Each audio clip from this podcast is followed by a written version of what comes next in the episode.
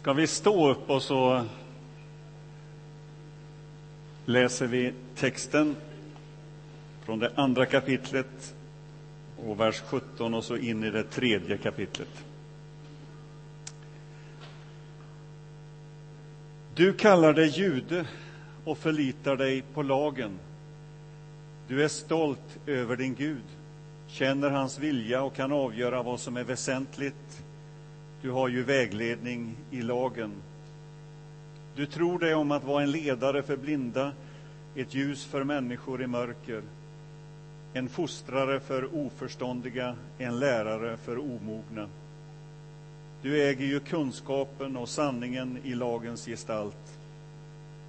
Du undervisar alltså andra, men inte dig själv. Du förbjuder stöld, men är själv en tjuv. Du fördömer äktenskapsbrott, men begår det själv. Du avskyr de hedniska gudarna, men drar dig inte för att plundra dem. Du är stolt över lagen, men vanärar Gud genom att överträda den. Ty som det står skrivet, för er skull smädas Guds namn bland hedningarna. Omskärelse är till nytta om du lever efter lagen. Men överträder du lagen är du trots omskärelsen på nytt en oomskuren. Om nu en oomskuren följer lagens bud ska inte han få räknas som omskuren. Då kommer han som till kroppen är oomskuren men följer lagen att döma dig som överträder lagen fast du har skriftens bokstav och omskärelsen. Ty jude är man inte till det yttre och omskärelsen är inte det som syns utanpå kroppen. Jude är man i sitt inre och omskuren är den som är det i sitt hjärta, i ande och inte efter bokstaven. Han får sitt beröm av Gud, inte av människor. Vilket företräde har då judarna? Vilken fördel ger omskärelsen?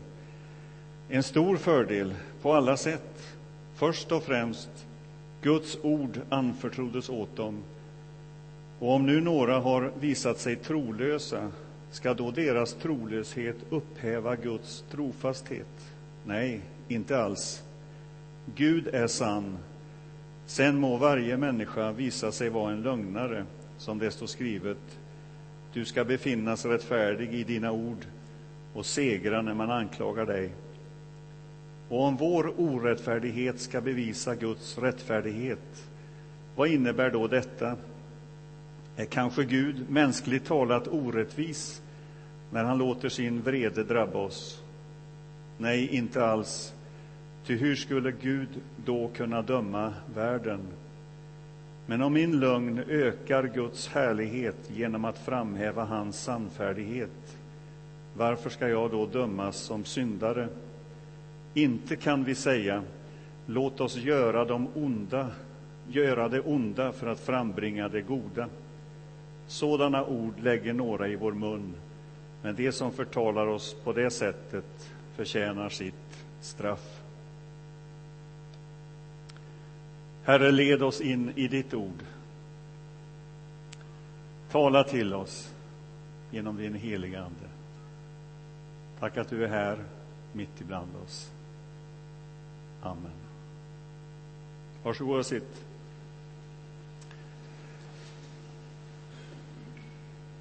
Lukas frågade mig vad vi ska sjunga till en sån här text. Och jag sa, ta alla de sånger som finns om omskärelse.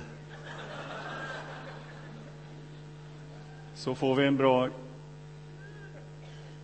samarbete här idag. Väldigt bra sång, Lukas. Det finns en berättelse som jag inte har kommit ifrån inför den här dagen. Eh, som jag vill lägga som en, en grund för den här predikan och det vi ska tala om idag. Och den berättelsen hörde jag för ganska många år sedan. Och den är i sin tur berättad och skri, nedskriven av Ernst Hemingway i en av sina böcker. Och där beskriver han i romantiserad form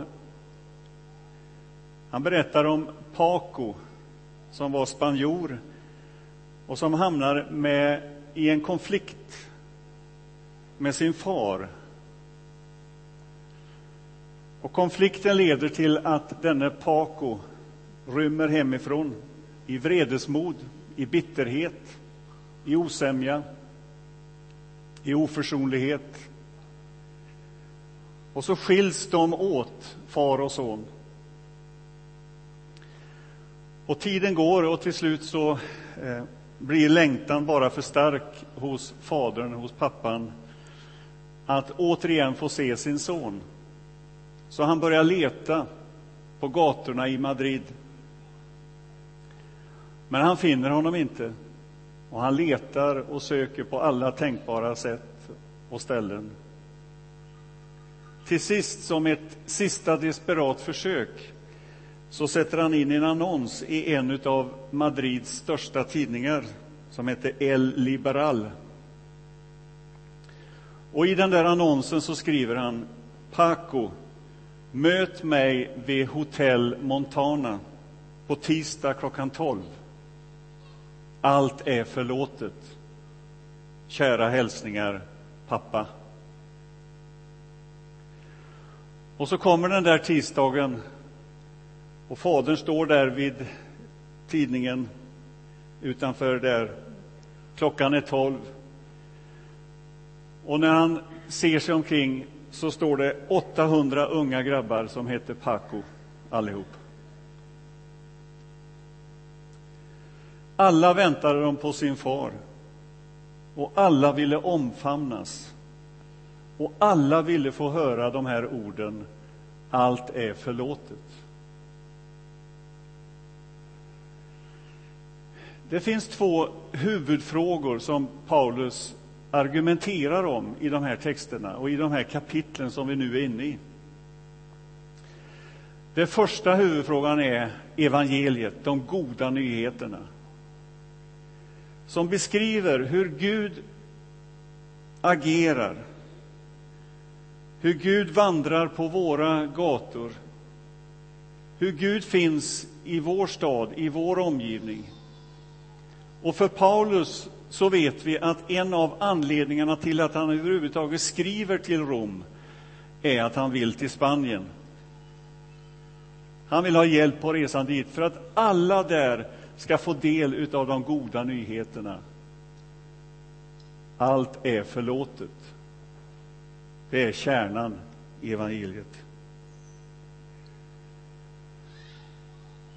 Och det andra stora ämnet som Paulus tar upp, det är ju vem är det som ska bära ut det budskapet? Vem annonserar att allt är förlåtet? Vem får det privilegiet och det uppdraget? Och vad är det som ligger till grund för att överhuvudtaget få det uppdraget och det privilegiet? Detta är på något sätt Romarbrevets stora ärende. Och Paulus, som vi läser om här,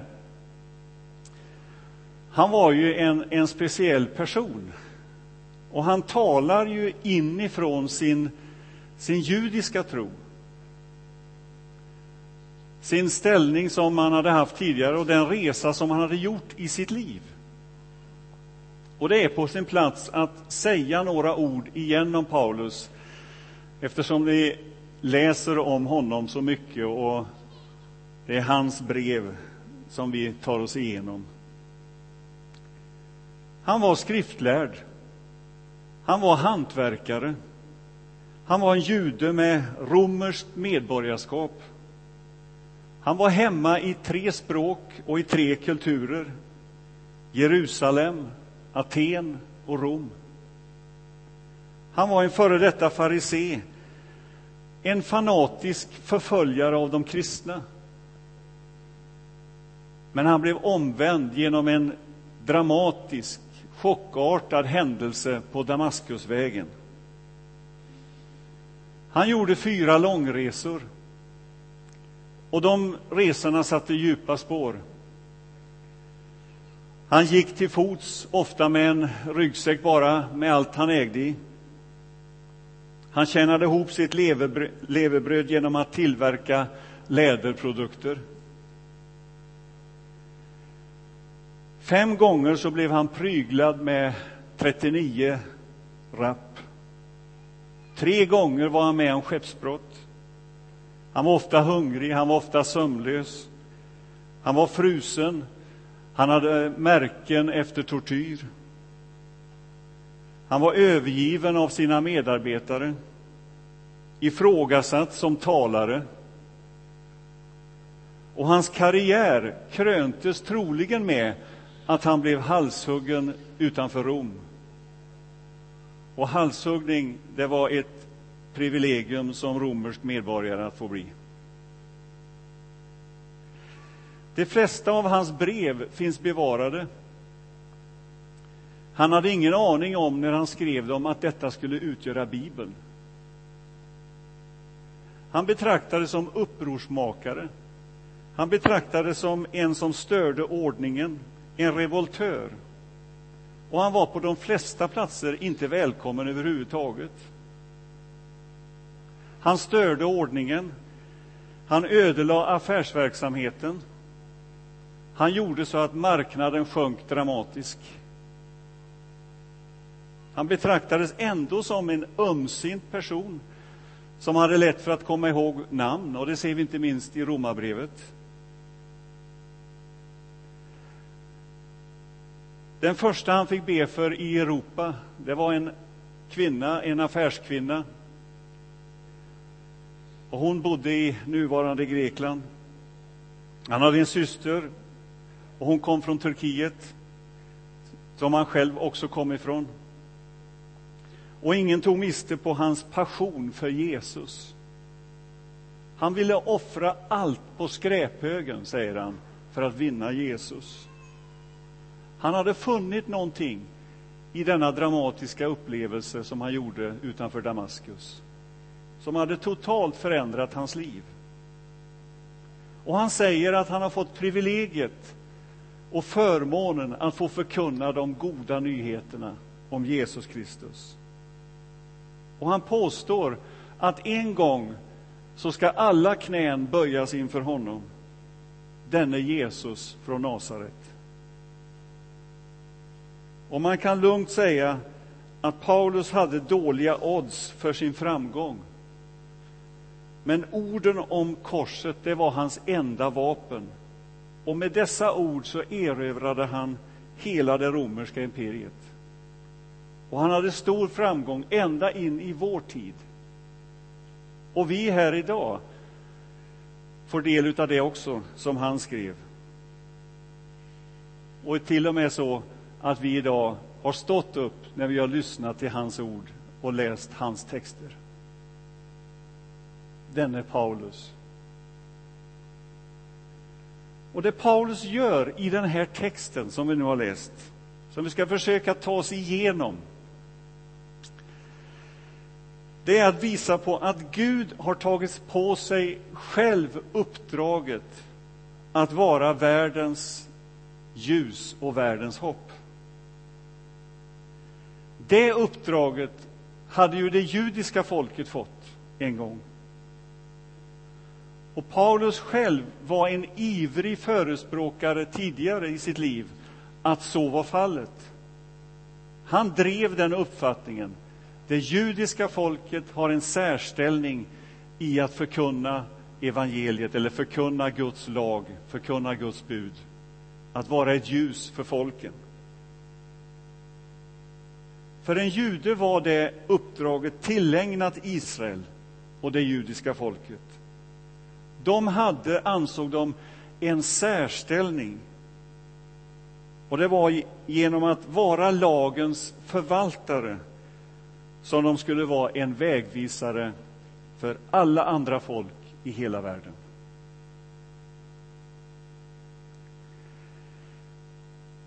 Nu säger Paulus att det uppdraget har Israel misslyckats med. Och så hänvisar han till Gamla testamentet och tar fram citat ifrån Gamla testamentet. Och han hämtar ord bland annat ifrån Jesaja 52 där Israel beskrivs i att ha misslyckats i sitt uppdrag för världen. Och uppmaningen till folket det är vakna upp, iklä dig eller klä på dig, skaka dammet av dig. Det kan inte få fortsätta. Guds namn smädas hela tiden. Och det, de citaten, de kapitlen där, Jesaja 52 och Jesaja 53, leder ju fram till beskrivningen utav hur Gud tar sig an uppdraget själv. När Israels folk har misslyckats så sänder Gud sin enda son, tjänaren, som offras, som dör på ett kors, som blir slagen för vår missgärnings skull. Han som synden blev lagd på för att vi skulle få frid. Och så beskriver Jesaja, och det är där som Paulus är i den här texten. Hör hur stegen närmar sig. Hör fotstegen utav de som förkunnar glädjebudet om att allt är förlåtet. Att Gud besöker sitt folk, att Gud är nära. Så även om Israel har misslyckats i sitt uppdrag så har inte Gud gett upp. Han kommer att fullföra sin tanke med skapelsen, med alla människor. Och så blir naturligtvis detta en, en uppgörelse med sig själv eftersom han själv var en jude. Om man då tänker att Gud har satt Israels folk som någon slags representanter på den här jorden och de har misslyckats. Och vi tänker kanske när vi läser den texten, ja det handlar om där och då. Men jag gjorde så här när jag försökte läsa den här texten, att, att byta ut ordet jude mot någonting annat. Till exempel kyrkan. Eller varför inte en pastor? Alltså, vad är det som får mig att liksom känna igen mig i den här texten? Om jag byter ut ordet du kallar dig pastor och berömmer dig av att känna Gud. Du berömmer dig av att kunna lyssna till Gud och förstå hans vilja. Du undervisar, men lär inte dig själv. Du predikar ofta, men lyssnar inte till dina egna predikningar. Du uppmanar andra, men gör inte själv vad du säger. Och för din skull smädas Guds namn bland dem som inte tror. Alltså, Gud blir inte känd.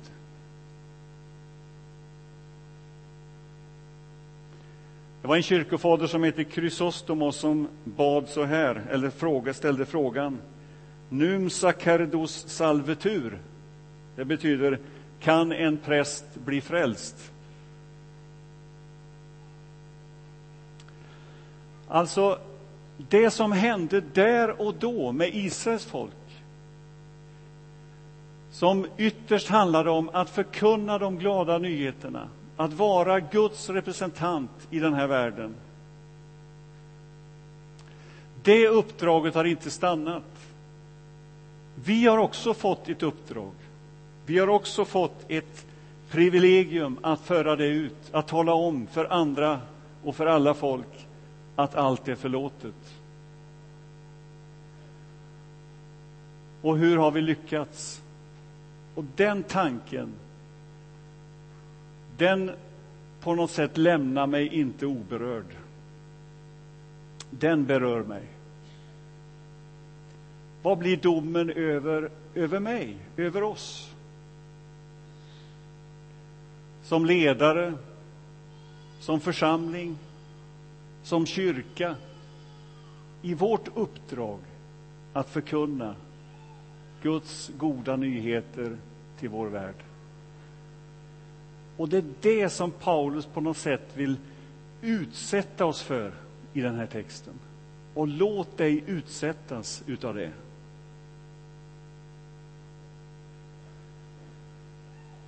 Det yttre tecknet för en jude var omskärelsen. Och Paulus poäng på något sätt det är att det yttre inte alltid överensstämmer med det inre i vårt hjärta. Alltså att det yttre inte är en garanti. Det är insidan som räknas. Det är vad som sker här inne i våra liv. Och det är där det måste börja för att det sen ska få konsekvenser i det yttre. Och så för han ett resonemang här om juden inte håller lagen och därmed inte följer sitt uppdrag. Ska han då, då ska han betraktas som oomskuren. Han har tappat sin position. Han har misslyckats i sin roll. Och så vänder han på resonemanget och säger och om en oomskuren, alltså en icke-jude, håller lagen, då ska han räknas som omskuren. Alltså det handlar inte om de yttre faktorerna, tecknen. Utan det handlar hela tiden om mitt inre relation till Gud själv. Är det äkta?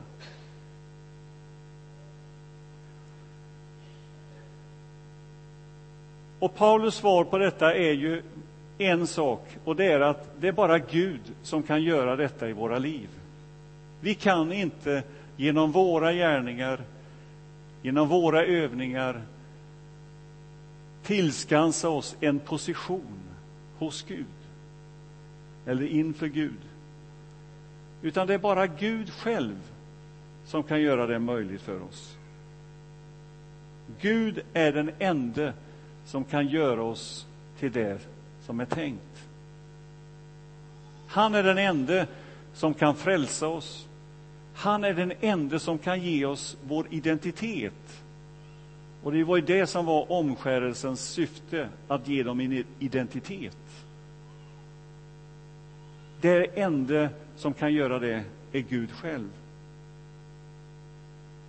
Och så använder han sig av ett, ett litet citat, kan man väl säga, i slutet på det andra kapitlet. Jude är man i sitt inre och omskuren är den som är det i sitt hjärta, i ande och inte efter bokstaven. Han får sitt beröm av Gud, inte av människor. Och jude betyder just att Gud blir ärad eller att Gud får beröm. Och så vänder han på det och använder det ordet om det som Gud får göra i en människas liv och upprätta en människa.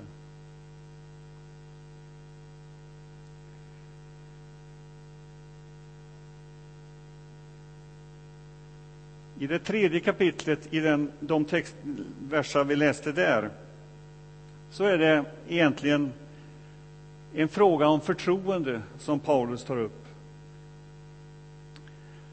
Alltså att Gud och Guds tanke för den här världen ligger fast. Och så citerar han ett ord ifrån psalm 51 som ju handlar om hur David ber en bön efter att han har förbrutit sig, han har gjort ett äktenskapsbrott, han har till och med mördat. Och så får han upprättelse. Och så beskrivs det i psalm 51 som en av de starkaste bilderna utav eh, ett, eller dokumentet på upprättelse som finns i Bibeln överhuvudtaget. Och så säger Gud att även om du misslyckas så har Gud inte upp, gett upp sin tanke. Han fortsätter sitt verk. Han fortsätter sin plan. Och så säger han, här finns en hemlighet, här finns en, en skatt, här finns en, ett privilegium och det handlar om förtroendet. Det ligger fast. Gud säger om oss att jag vill kalla dig, jag vill använda dig. Jag vill att du ska vara min representant. Och Gud har inte övergett Israel, och det återkommer han till i kapitel 9 sen när vi kommer dit, vad Guds tanke med Israel är. Men här är poängen att förtroendet ligger kvar. Gud har inte sagt att jag vill inte ha med er att göra, utan Gud vill använda oss och Gud vill bruka oss. Så sträck på dig. Känn den stoltheten över att ha blivit utvald. Och är det någonting som lyser igenom i de här kapitlen när Paulus beskriver hans uppdrag och sin kallelse så är det ju stolthet. Jag skäms inte för evangeliet. Jag vill stå för det, jag vill sträcka på mig. Jag vill förmedla det till andra. Om man ska försöka knyta ihop de här texterna så vill jag gå tillbaka till det jag började.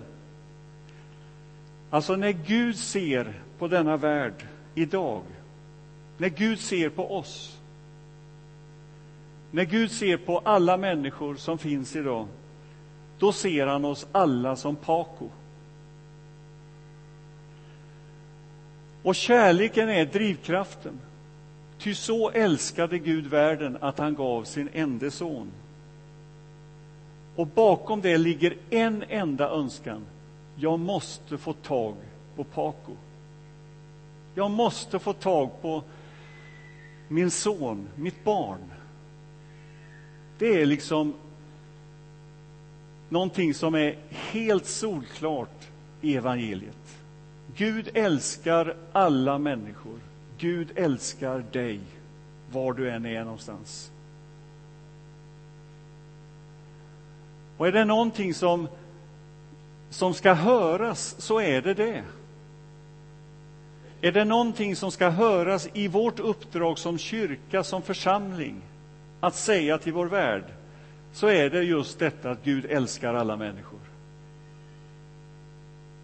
Det är det som ska komma först. Och det är det som är drivkraften och bakgrunden i det som Paulus resonerar omkring. Detta är så viktigt. Detta är så angeläget att jag måste till Spanien. Jag måste ut till alla de som inte har hört det nu. Jag måste vidare. Och då kommer vi till den här frågan, vem ska sköta annonseringen? Vem ska liksom göra det känt för Paco att allt är förlåtet? Först fick Israel det uppdraget, att vara världens ljus. Och så säger Paulus, de misslyckades. Men uppdraget ligger fast. Det måste bli känt. Och det går vidare till oss. Och när jag får del av det budskapet, att allt är förlåtet, då händer någonting med mig. Då måste jag föra det vidare till nästa person. Och så vidare. Här i veckan så, så har jag igen suttit på en advokatbyrå tillsammans med en av de våra vänner som har sökt sig hit till vårt land. Och den frågan har ju aktualiserats väldigt mycket. Vad, vad, vad händer med de människor som kommer hit till vårt land, möter evangeliet, blir kristna? Och det har ifrågasatts deras trovärdighet. Och det har också uppmanat dem att ligga lågt med sin bekännelse, att inte tala om det. Då går det bra. Att hålla det för sig själv. Och så satt jag i veckan igen runt det där bordet och fick säga till den här advokaten att vara en kristen är till sitt väsen så handlar det om att dela med sig utav det. Vi kan inte tiga med det. Det går inte att säga detta är för mig själv. Detta behåller jag. Utan jag måste dela det vidare. Och när jag säger det, varje gång jag säger det, så vänds det mot mig själv hur är det, Ingemar, med din bekännelse? Med ditt utdelande utav evangeliet, eller de goda nyheterna. Och därför så är det så, så viktigt att gång på gång få liksom utsätta sig för det själv. Och säga till varandra och säga till mig själv. Evangeliet är till sitt väsen utgivande. Du kan inte vara kristen så att säga privat i den meningen att du behåller det för dig själv.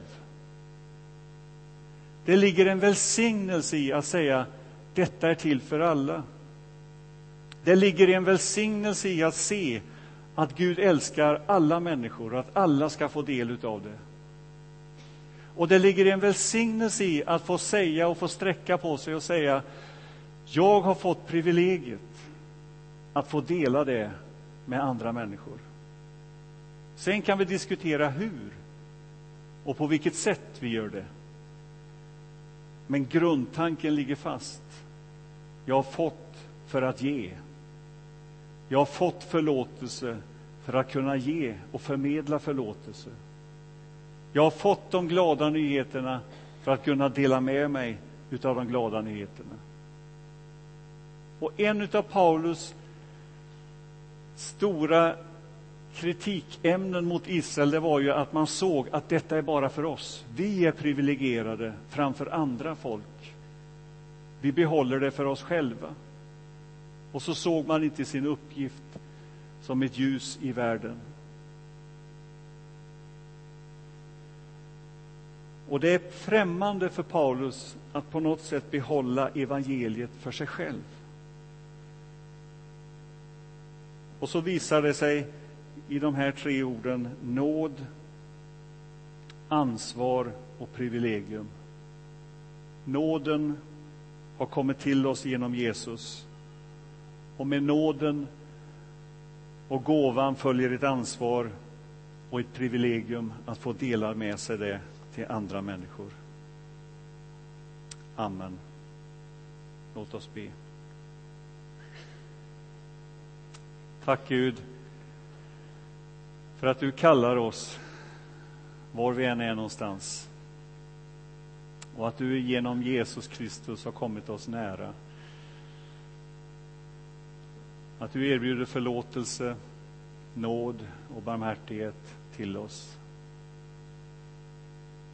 Att du har bestämt en mötesplats där vi får komma och ta emot dig själv. Tack för att du kallar oss var och en.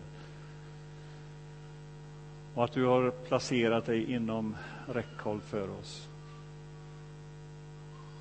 Hjälp oss i att förvalta det uppdraget som du har gett oss. Ge oss vishet, ge oss varma hjärtan. Vi ber om det i ditt namn. Amen.